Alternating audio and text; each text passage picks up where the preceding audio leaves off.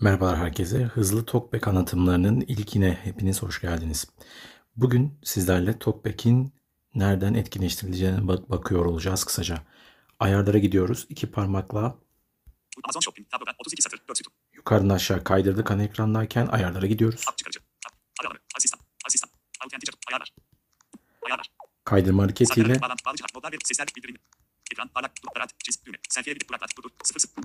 Mod. Bağlı cihazlar. Quick. Modlar ve rutinler. Sesler ve tip. erişilebilirliğe gidiyoruz. Konum. Konum. Hesaplar ve Google. Google. Gelişmiş özellikler. Dijital. Uygulama. Genel yönetim. Erişilebilirlik. Erişilebilirlik. Erişebilirlikten yüklü servislere gidebileceğiniz gibi telefonun içerisinde yer alan doğrudan Sözlü yardım. 2 10 list. Görünebilirlik. Duyma destek. Etkileşim ve gelişmiş ayarlar. Alt 10. gelişmiş ayarlar bende. Buraya giriyorum. Gelişmiş ayarlar. Gelişmiş erişilebilirlik. Erişilebilirlik. Yan tuş ve ses artırma tuşu. Sesi artırma ve azaltma tuşları. Yan tuş ve ses artırma tuşu. Tablet.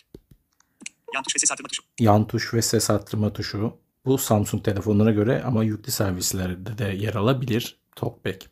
Bununla birlikte eğer siz de Samsung TalkBack'i kaldırmadıysanız doğrudan erişebilirlik içerisine girdiğinizde TalkBack yer alacaktır.